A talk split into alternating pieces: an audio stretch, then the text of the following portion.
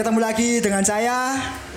Bagi yang belum tahu ya, di saya Revan di petualangan bersama Impala dengan teman-teman dengan teman ngobrol saya di sore hari ini ada Mbak Destu. Nah, ini Mbak Halo. Destu. Disapa dulu dong, Mbak.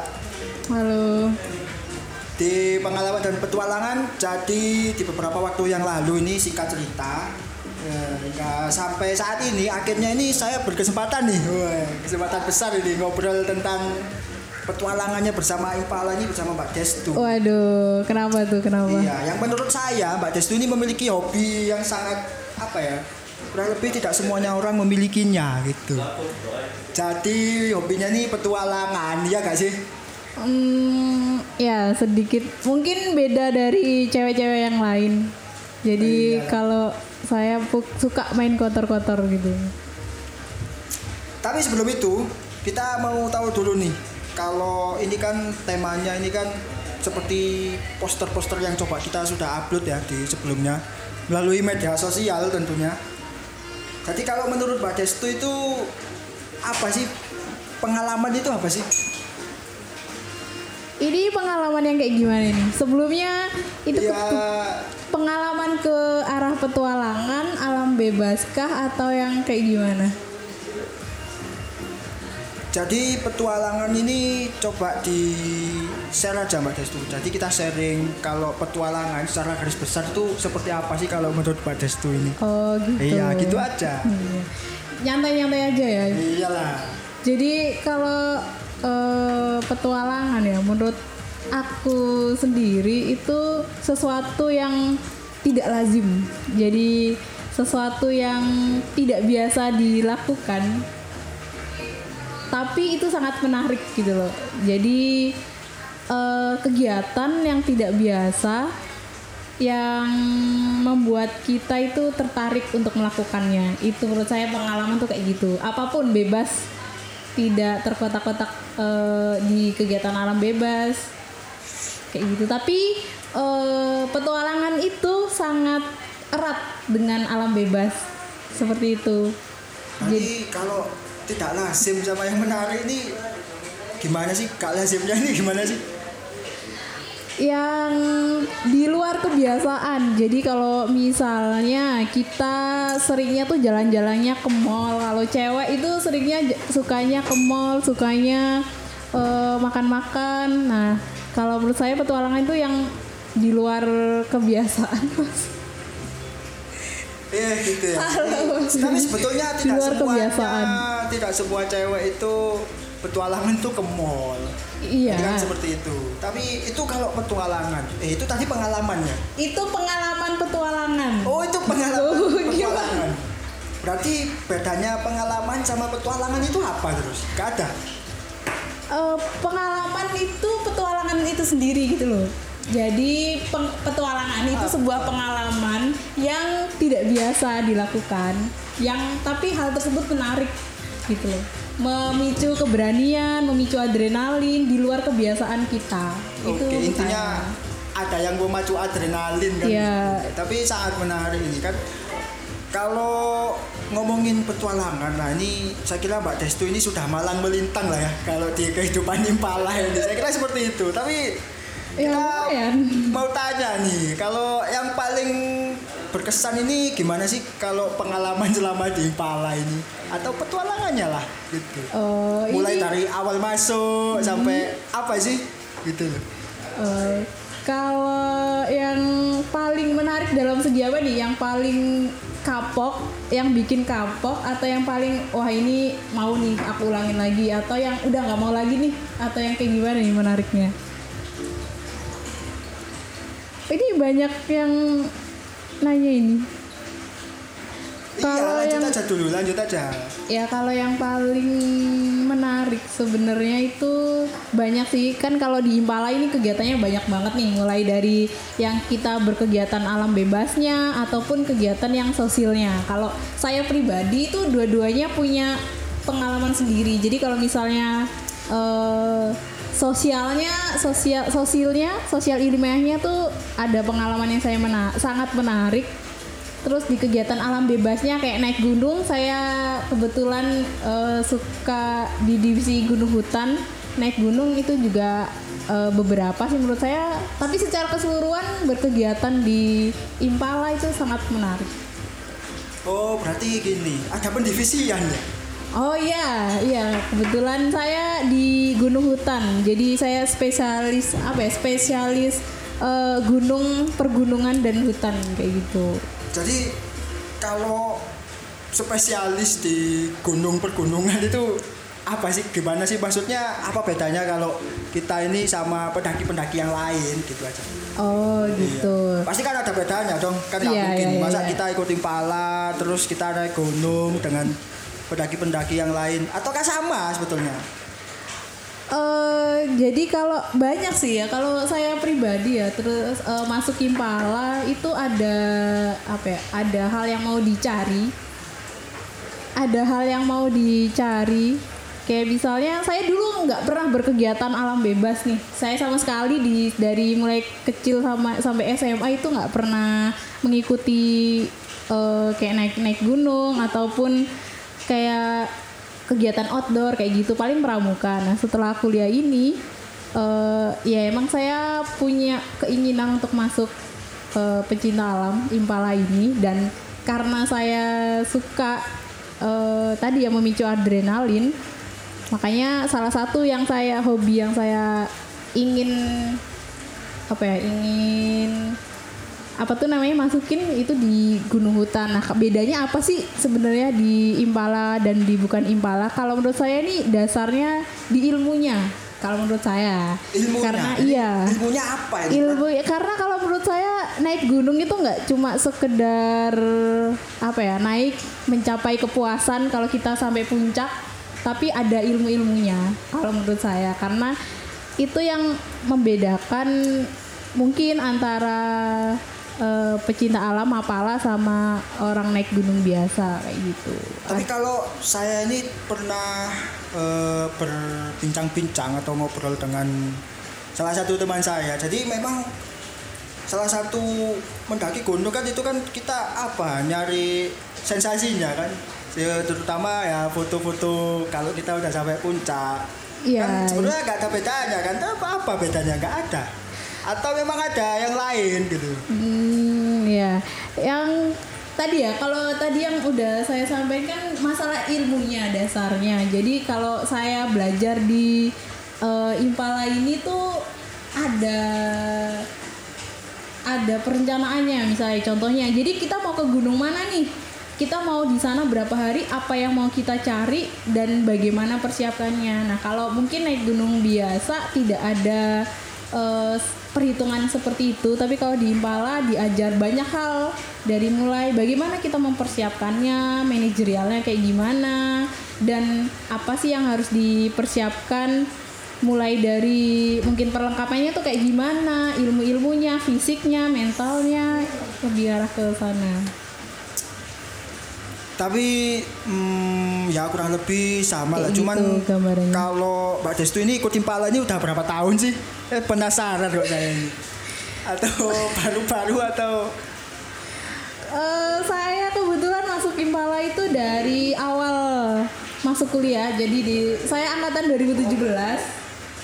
Jadi saya mulai masuk dan saya tekuni organis keorganisian keorganisasian pecinta alam ini dari kela, dari semester 1. Diklat kan itu semester 1 tahun 2017 gitu dan sekarang tahun 2020 jadi udah tiga tahun. berarti lumayan lah ya terkait Iya. apa seluk beluknya Impala ini saya Iya. yakin pasti Iya. sudah paham lah. Kayaknya iya, seluruh kehidupan kampus saya kayaknya di Iya. Tapi kita coba mengulas sedikit yang berbeda ini Mbak Destu. Iya, apa tuh? Apa tuh? Apa tuh? Kalau seiring berjalannya waktu dan kecanggihan teknologi ini kalau yang coba saya mengulik ya Iya. Tapi mungkin nanti bisa dijelaskan lagi pengalamannya Mbak Destu ilmu yang dimaksud yang didapat dari Impala ini seperti apa sih persiapannya atau kalau saya dengar-dengar kalau kita mau naik gunung kalau Impala itu harus merencanain lewat jalur mana padahal kan saya kira jalurnya kan juga sama aja gitu loh atau Ya, gitu ya, nggak ya. sih Iya, iya, iya, iya, iya. Jadi lebih ngarah ke ini kita ngomong spesifik ke gunung hutan ya berarti. iyalah kan Pak Destu kan apa spesialisasinya kan dari Iya, iya, gunung hutan, ke iya. pergunungan kan Iya, gitu pergunungan, iya. Ya kalau eh, sedikit berbagi pengalaman ya kalau masalah bagaimana mendaki gunung berdasarkan pengalaman saya di Impala itu eh, yang pertama jelas kita mau nentuin target dulu nih. Kita mau ngapain? Kita mau ke gunung mana? Itu ada yang paling sederhana kita mau ke gunung mana? Misalnya mau ke gunung Semeru nah dari situ kita merencanain dengan siapa sih kita ke gunung Semeru? Berapa orang? Misalnya lima orang tujuh orang. Terus ke gunung Semeru ini kita mau mencapai apa? Apakah kita cuma mau main ke Ranukumbolo mau ke puncak atau ke mana? Hanya sampai mana? Nah, itu kita tentuin dulu tujuan kita. Terus dengan siapa? Setelah itu baru deh kita melihat kemampuan kita tuh sampai mana. Jadi lebih mengarah ke manajerial bagaimana kita melakukan eh, sebuah pendakian. Ada proses perencanaan tadi udah dianalisa terus bagaimana persiapan kita kemampuan kita dari mulai segi fisik. Karena menurut saya itu sangat yang paling penting kemampuan fisik kita. Kita harus bisa menilai batas kemampuan kita terus dari segi penunjangan lainnya kayak akomodasi misalnya konsumsi peralatan transportasi bahkan ataupun eh, informasi mengenai gunung tersebut. Kayak misalnya ada mata air kah ada eh, apakah ada sumber mata air apakah ada warung dan lain sebagainya. Karena itu akan mempengaruhi dalam yang nanti kita bawa saat perjalanan.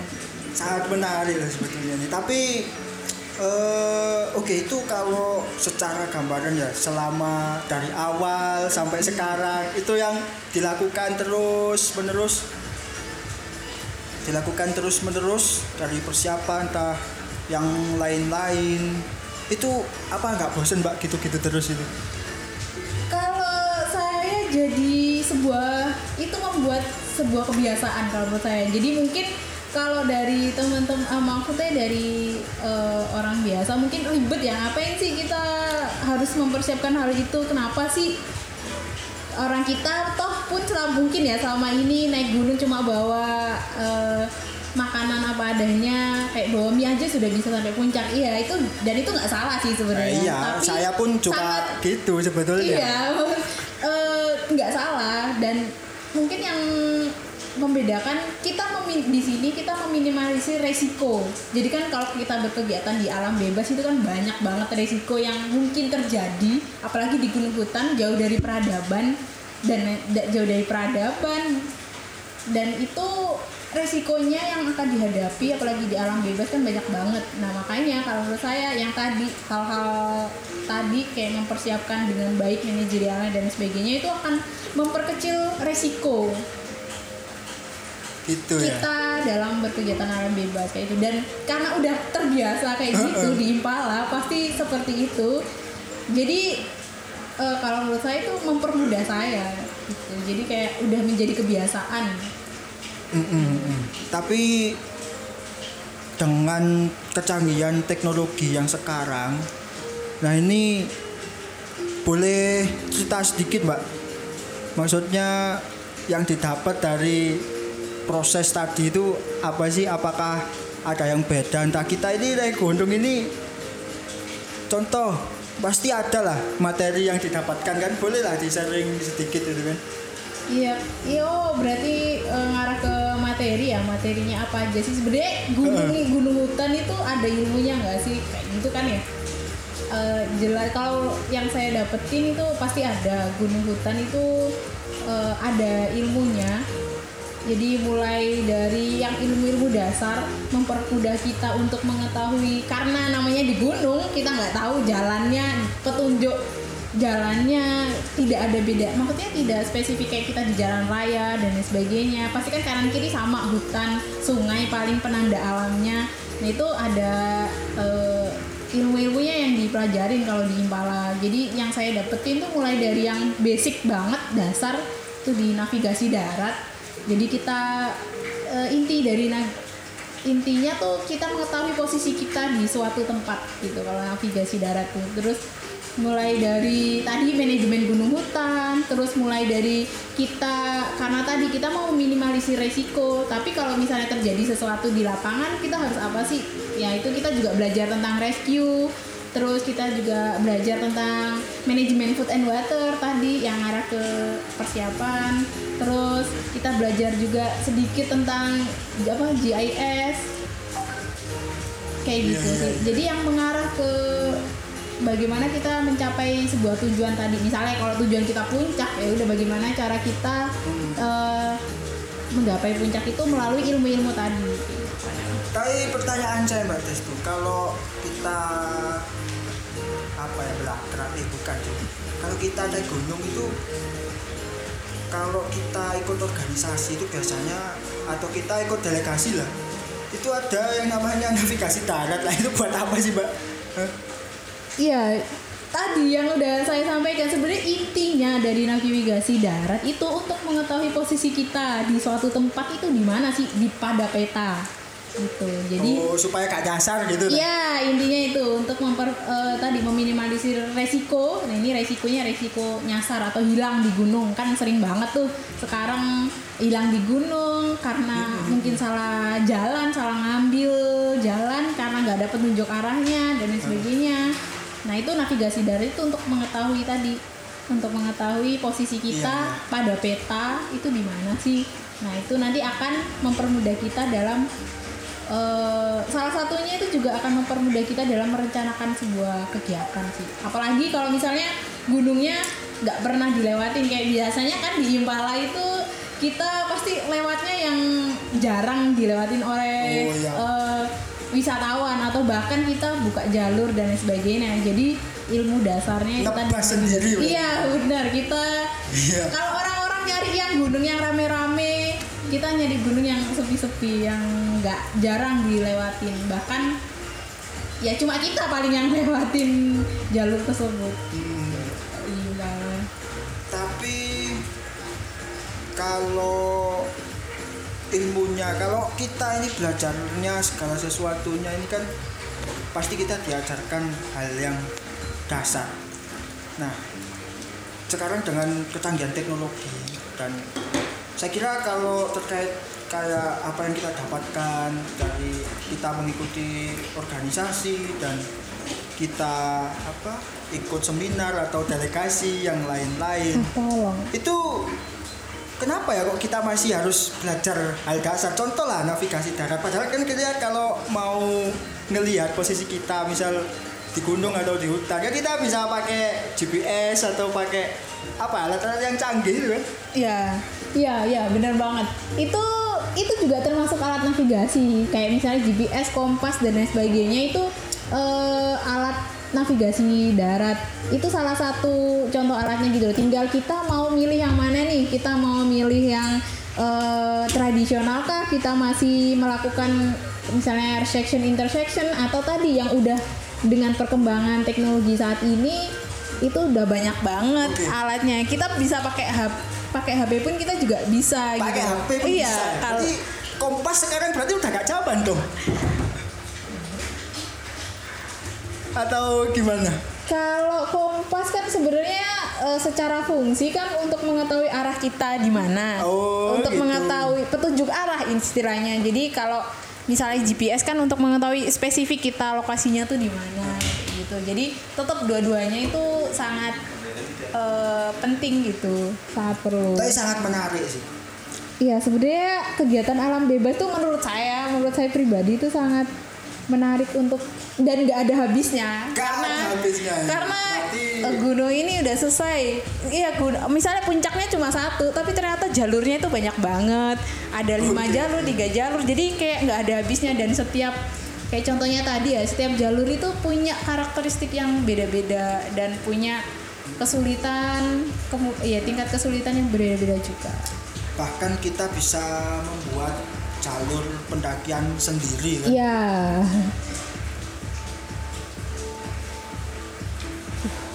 Ini tapi yang bikin saya apa tertarik dan ingin tahu ini kenapa sih Mbak Destu ini kok milihnya spesialisasinya ini di Gunung ini kenapa Mbak?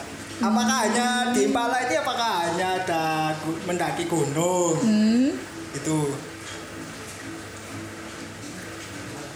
Ya, jadi wah ini bagus sekali nih ya di dari Mas Ghazali. Iya. Cara-cara navigasi darat manual harus tetap diajarkan. Iya, benar sekali. Saya maksudnya saya sepakat dengan argumennya Mas Ghazali ini karena kalau kita udah ketergantungan sama boleh nggak saya tanggapin ini? Boleh, Pak? Oh iya. Sebetulnya nanti ada sesi tanya jawab. Oh, gitu. Gimana nih Taj? Ya, jadi karena ya, ya itu ya kalau ka- kita udah ketergantungan sama alat, jadi kita tadi kita nggak tahu di alam itu resikonya apa, bakal terjadi apa pun ki- kalau kita udah ketergantungan sama alat di saat emergensi di lapangan itu pasti kita akan sulit kalau kita nggak belajar hal Iya dasarnya. sih, sepakat saya itu. Jadi Oke. sebenarnya base, hal yang eh, ilmu basic-basic kayak gitu harus tetap Kembali ke dasar kan Iya. ya. Bagaimana awal mulanya itu kan. Iya, gitu. Tapi kembali ke Oh pertanyaan iya. saya yang tadi. Oke, Mbak. jadi pertanyaan tadi kenapa di GH ya? Sebenarnya kan kalau di Impala itu ada empat empat divisi. Oh, ada empat ya? Iya, ada empat Banyak sekali. divisi. Di ada caving, ada caving, ada rock climbing, terus ada olahraga arus deras, rafting, terus ada di gunung hutan. Nah kalau saya emang eh, gimana? ya? Kalau saya milih di gunung hutan karena yang pertama itu kayak udah jadi keinginan saya dari dulu masuk saya mau masuk Mapala ini karena saya mau naik salah satunya salah satunya selain belajar organisasi Iya, iya, iya. itu salah satunya saya eh, mau naik gunung gitu kalau saya karena keren kali ya bisa ngeliat Iya. Indonesia dari atas dari atas negeri dari atap negeri kayak gitu Tapi emang kayaknya rata-rata kalau kenapa sih ikut mahasiswa pencinta alam ya mau ma- mau mendaki gunung tapi kan kayak umum gitu kan. iya itu, Iya gak sih? itu kayak alasan terklasiknya mahas- apa mungkin ya salah satu kalau tapi kalau menurut saya itu kayak bonusnya gitu loh Bonus. bonusnya kita bisa keliling-keliling keliling-keliling Indonesia Iya. Berarti kan ada sesuatu yang ingin dituju gitu kan. ya bener saya Tapi Kalau- hmm. dari mulai tahun 2017 Iya. hingga sampai sekarang ini yang paling berkesan ini ke mana ini Mbak?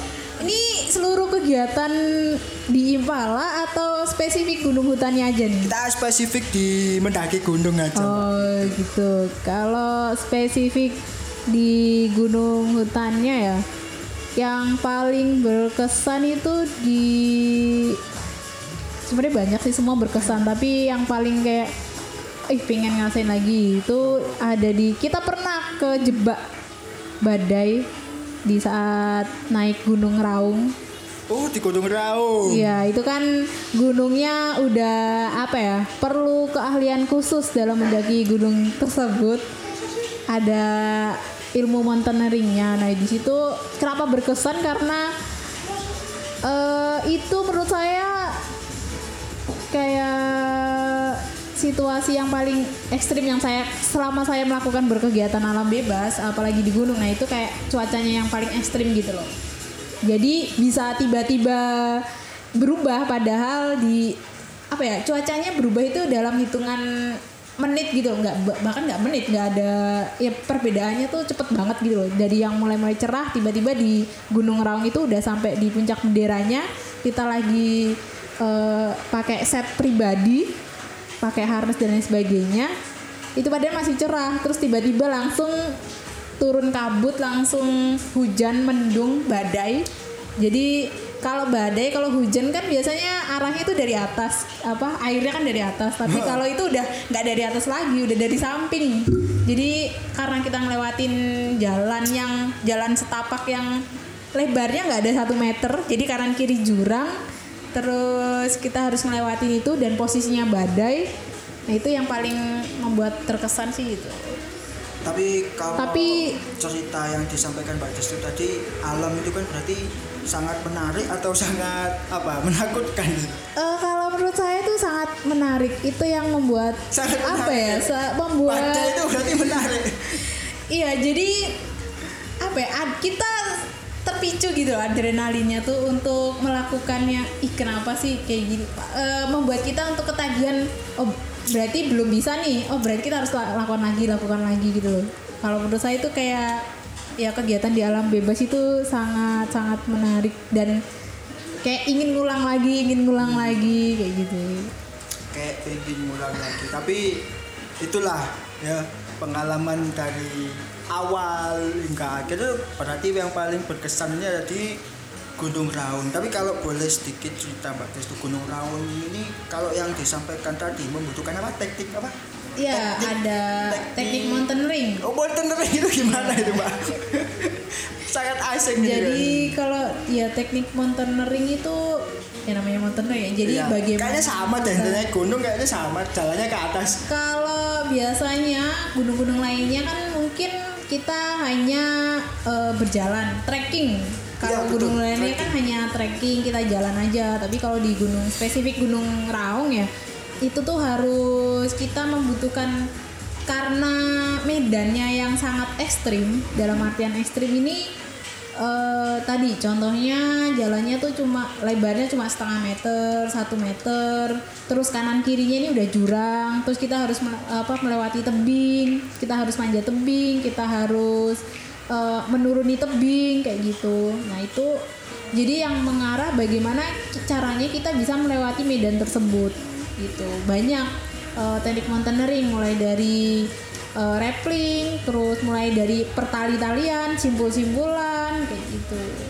Jadi ada ilmu tambahannya. Jadi nggak cuma jalan aja kalau biasanya jalan trekking tapi kalau mountaineering kalau spesifik teman-teman mau ke Gunung Raung eh, sebenarnya bisa siapa aja bisa ke sana dengan tadi ada gate-nya. Jadi harus ada yang antar karena tadi eh, medannya tuh sangat sangat eh, curam sangat berbahaya gitu. Nah kalau Iya, iya. kita di sini malah dilatih gimana caranya kita biar kita bisa mandiri kita nggak perlu gate ke sana. Jadi kita eh, mempersiapkannya sendiri kayak gitu. Berarti sebetulnya berarti kalau kita mau mendaki gunung itu sangat penting. Harus ada satu teman kita atau orang lain yang mendampingi yang paham dan bener nggak sih? Atau enggak hmm ya karena atau Pak Tis tuh biasanya ya udah habis mau naik gunung ya udah berangkat sendiri sama Kalau- gunung yang lain gitu. Hmm, kalau menurut saya itu hal yang penting tapi tidak wajib gitu loh Tapi tidak wajib. penting eh, penting sih Eh, gambarnya gini kita harus mengetahui eh, gunung tersebut itu penting. Itu nggak bi- nggak boleh di apa ya nggak boleh di skip lah istilahnya. Oh, iya, iya. nggak eh, bagaimana karakteristik gunung tersebut pengetahuan tentang gunung tersebut itu menurut saya sangat penting. Nah kalau misalnya kita nggak tahu informasi tentang gunung tersebut dan kita tidak mau mencoba mencari tahu ya minimal ada orang yang tahu gitu. Tapi tanpa orang yang tahu pun maksudnya tanpa ada eh, orang didampingin orang yang berpengalaman di gunung tersebut tapi kalau teman-teman dalam persiapannya informasinya itu udah disiapin bener-bener secara manajerial ya nggak masalah kalau menurut saya gitu Sangat karena sih. Iya, karena itu sebenarnya orang yang mengetahui kita didampingi oleh orang yang mengetahui itu untuk mempermudah kita aja. mempermudah intinya ya itulah mempermudah terus skala pertimbangan itu sebenarnya harus kita persiapkan Iya, intinya tuh semuanya dipersiapkan. Iya, Bagaimana kita persiapan. mempersiapkan sebuah kegiatan.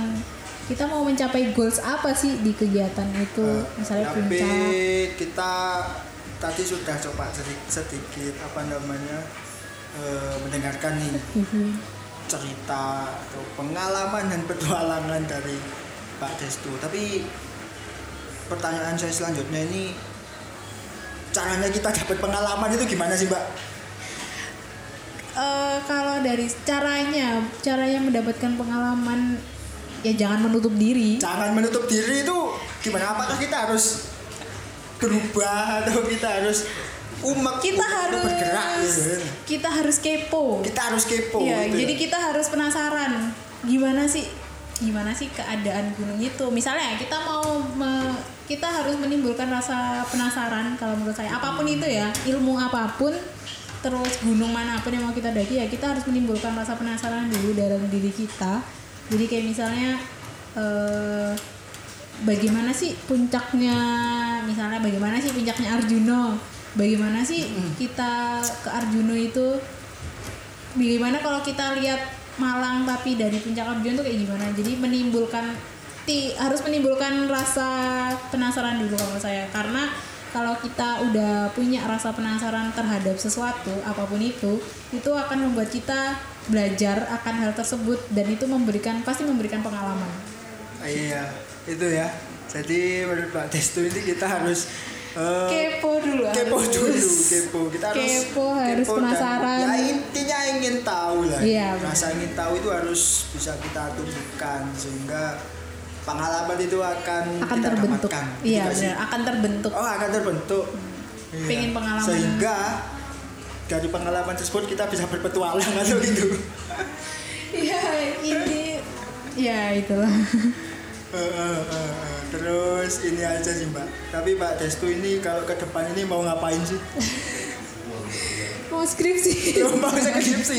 Pasti nggak Jangan, mau naik gunung. Saya saya masih mau. Maksudnya kalau ditanya mau ngapain pasti masih banyak sih eh, keinginan. Heeh. keinginan yang terpendam mau ke gunung ini gunung ini dan sebagainya. Dan kalau kalau saya sih lebih ngarah ke ingin me, apa ya mentransfer ilmu juga gitu loh. Jadi mentransfer ilmu. Iya, jadi apa yang sudah yang- kita dapatkan ya, kita tularkan ke adik-adik kita. Ya betul sekali.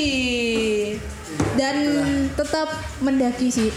Kita mendaki. Ya karena kan udah ya maksudnya kalau secara apa ya secara jenjang kuliah kan udah mau selesai tapi pasti bisa lah mendaki masih tetap terus. Ini itu tadi pertanyaan saya yang eh terakhir. Ada Mbak Rini harum Mbak Rini. ini ada Mbak Rini nih halo Mbak Rini. Banyak ya tadi tapi sekarang udah mulai sepi. Iya udah mulai Sedih sekali. apa bubar ini ya orang-orang berapa orang sih? Eh, tadi aku sih empat sih. Yang penting kita mencoba untuk apa sharing pengalaman Ya, betul. semoga intinya kan apa yang kita lakukan ini harapannya kan mendapatkan atau memberikan manfaat gitu iya betul harapan saya sih seperti itu memberikan Ah. manfaat bagi orang lain Heeh. mungkin bisa oh iya sih nggak jadi deh apa gak apa-apa kalau mau ada yang ingin disampaikan Iya. kita nggak lama-lama kok soalnya eh, menurut saya ini perlu ada episode selanjutnya iya Pak Agus ini. Ini Iya, karena maksudnya eh, eh, kita kan katanya nggak hanya naik gunung kan. Iya masih ada orang-orang ada yang banyak sebenarnya. ya, iya iya iya iya. saya sepakat juga itu. Maksudnya jangan eh, apa ya perlu juga di ya kegiatan alam bebas tuh nggak cuma naik gunung loh. Iya, betul. Eh, mapala tuh nggak cuma naik gunung doang. Mungkin yang yang awam yang sering dilakukan teman-teman ya naik gunung. Tapi sebenarnya banyak banyak. Dan beberapa pun juga diakomodir di Impala kayak gitu. Iya sih. Kayaknya udah nggak ada yang tanya deh ini. Iya, tadi udah kelewat ini sesi tanya jawabnya. Eh, maksudnya udah banyak yang tanya tadi, tapi kita ter iya mengalir aja sih Iya, betul betul. Mungkin nanti ke depannya bisa lebih seru lagi dengan topik-topik yang menarik. wah itu pasti itu Iya.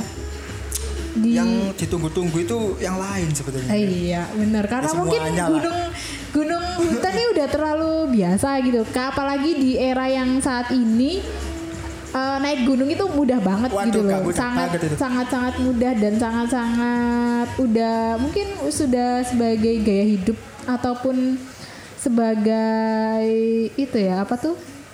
Ya tadi ya lifestyle itu loh. lifestyle Jadi olahraga tuh ke mana? Kalau mau lari ke mana? Oh ya kita naik gunung aja, kita uh, tek-tek aja atau Anak kayak muda. gimana? Iya sudah sebagai Tapi ini Mbak yang terakhir. Kalau naik gunung itu itu enggak. Jadi gini. Kalau kita berorganisasi, Iya. kalau kita berorganisasi nih ya.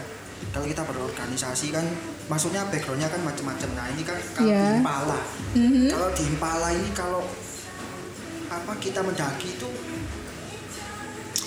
apa itu udah Gimana tuh? termasuk prestasi gak sih? Eh gimana? Oh mungkin Enggak, Kalau- soalnya gini. Ya gimana kalau tuh? kita pada tebing, nah itu kan ada wahananya kan. Kita kompetisi nih, wah manjat. Oh Tapi kalau naik gunung, Apakah bisa dikompetisikan? iya bisa gak sih? Apakah bisa dikompetisikan gak sih? Hmm, bisa. Bisa ya? Selama ini yang saya tahu ada kok lomba-lomba apa? Orientering terus lomba ya tadi eh, intinya basicnya navigasi darat orientering itu tadi. Nah, itu diaplikasikan di gunung. Jadi istilahnya bagaimana mereka cepat dalam memecahkan sebuah clue atau Iya, teka-teki dan harus mencapai dalam target waktu tertentu itu ada juga Ada ya? sebenarnya. Terus Ya itulah. Iya, jadi kalau apa ya kalau Intinya ilmu yang kita dapat itu berarti ada manfaatnya kan, ada wadahnya. gitu. pasti pasti pasti pasti pasti ada apa ya ada manfaatnya dan kalau ngarah ke cuan ngarah ke nyari uang itu juga bisa Oh, bisa. sebenarnya iya kan Apa ini kayaknya segala sesuatu ini udah dikompetisikan. Iya, so, ya sebenarnya bisa Eh, dasar-dasar kita kalau kita mau ngarahnya ke itu ya, mau mendapatkan penghasilan dari pengalaman kita, apalagi gunung hutan itu sangat-sangat menjual sekali. Karena kalau di ya itu tadi ilmu-ilmunya tuh bisa kita terapin.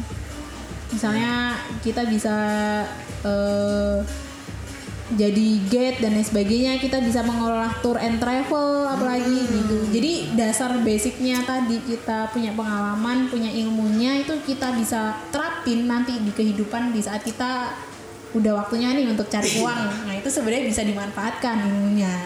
Mulai dari ya itu tadi kita buka agensi atau kita jadi eh, tour guide atau da- eh, kita menyewa out, apa sewa outdoor dan lain sebagainya itu sebenarnya ilmunya sangat kepake sih untuk kehidupan sehari-hari eh kehidupan sehari kehidupan Kadang Nah, kalau memang kita sudah passion itu apa pun yang kita lakukan itu pasti akan akan bermanfaat dalam segi apa pun ya Eh, kita adalah berkorban kayaknya gitu sih kayaknya. kalau kita passion gitu. ya kalau Mas Revan ini divisi apa ya? Saya gak masuk divisi, Pak. Ya udahlah, gak apa-apa lah. Tapi untuk menutup perbincangan kita di sore hari ini, saya kira apa yang sudah coba kita sharingkan ini ya kurang lebih semoga mendapatkan manfaat bagi orang yang mendengarkan. Iya, iya, Gitu iya, iya, iya, ya, sedikit. Kalimat penutup dari Mbak Destu ini Impala itu apa Mbak? Gimana sih Impala itu gimana sih? Kalau menurut saya ya kayak Impala itu rumah gitu loh. Apa yang kamu cari di sana semua ada. Kamu mau cari apa sih dalam hidup ini itu pasti bisa semua didapetin di sana. Mau nyari keluarga, mau nyari pengalaman, mau nyari jodoh mungkin Oh, atau mau cari atau mau cari keluarga sih yang pasti kan Iyalah. itu itu ya Impala ini kayak rumah gitu loh. Semuanya ada. Paket komplit. Iya, terima kasih Mbak Destu. Iya. Jadi kita ini tidak terasa loh ini kan, aduh udah. Udah satu jam ya? Ini, Lama iya. sekali. Kalau diteruskan ya ini kita cuma gini. Nggak selesai-selesai ya. Banyak Yes. sebenarnya banyak sih pengalaman Iya, di banyak. Impala nggak cuma naik gunung. Mungkin naik gunung pun tadi juga nggak nggak terlalu detail ya. Gunung mana aja dan kalau di Impala ini berapa kali sih naik gunung? Iya. Mungkin ya, Ya mungkin lain Yang penting pokoknya intinya kalau dari yang saya tangkap kalau kita mempunyai punya pengalaman ya kita harus kepo ya. Kita Iya, harus kepo. menimbulkan Intinya rasa penasaran dulu. Pengalaman kita harus kepo. harus penasaran dulu ya itu nanti penasaran. membuat kita pengen ngelakuin hal tersebut Udah. gitu. Kalau itu untuk menutup perbincangan di sore hari ini aja lah. Karena tadi juga ada yang tanya juga sudah di. Iya udah live, iya udah keluar ini tadi yang tanya-tanya ya sayang sekali. Ya, Pasti untuk- ada eh, episode selanjutnya kan? Ada, itu pasti oh ada. iya, Pasti biasanya ada. kapan sih eh, Impala ngadain kayak gini lagi? Mungkin dari Oke, teman-teman sini kita yang masih lah. tersisa pengen tahu Iyalah. kapan sih eh, live IG-nya ini apakah tiap minggu atau kayak gimana dan pembahasannya ngarahnya ke mana sih? Ada. Ganti saya nih yang nanya ini. Iya. Jadi gini, kalau untuk kapannya ya, nanti pasti kita kasih tahu lah jadwalnya. Sebetulnya itu juga sudah kita siapkan gitu. Cuman Hmm. kalau diomongin sekarang ya gak masalah sebetulnya. Cuman arahnya ini lebih supaya ke effortnya itu dapat. Penasaran. ya? Penasarannya itu dapat. Bahwasanya nanti coba kita ulas apa yang kita cari. Apakah di Impala ini semuanya ada gitu aja. Oh ya. Tadi sudah dijawab kayaknya. Iya. Ada. Semuanya di Impala tuh ada. Mau Nanti cari apa pun ada. Ulas di episode iya, selanjut- selanjutnya. selanjutnya. Oke, Kita siap-siap. Kehabisan konten kok ya. Iya, Tenang iya, aja. iya, iya, iya. Baik, terima kasih Mbak Destu. Kita Ya, tutup sama-sama. obrolan kita di sore hari ini. Oke, salam lestari.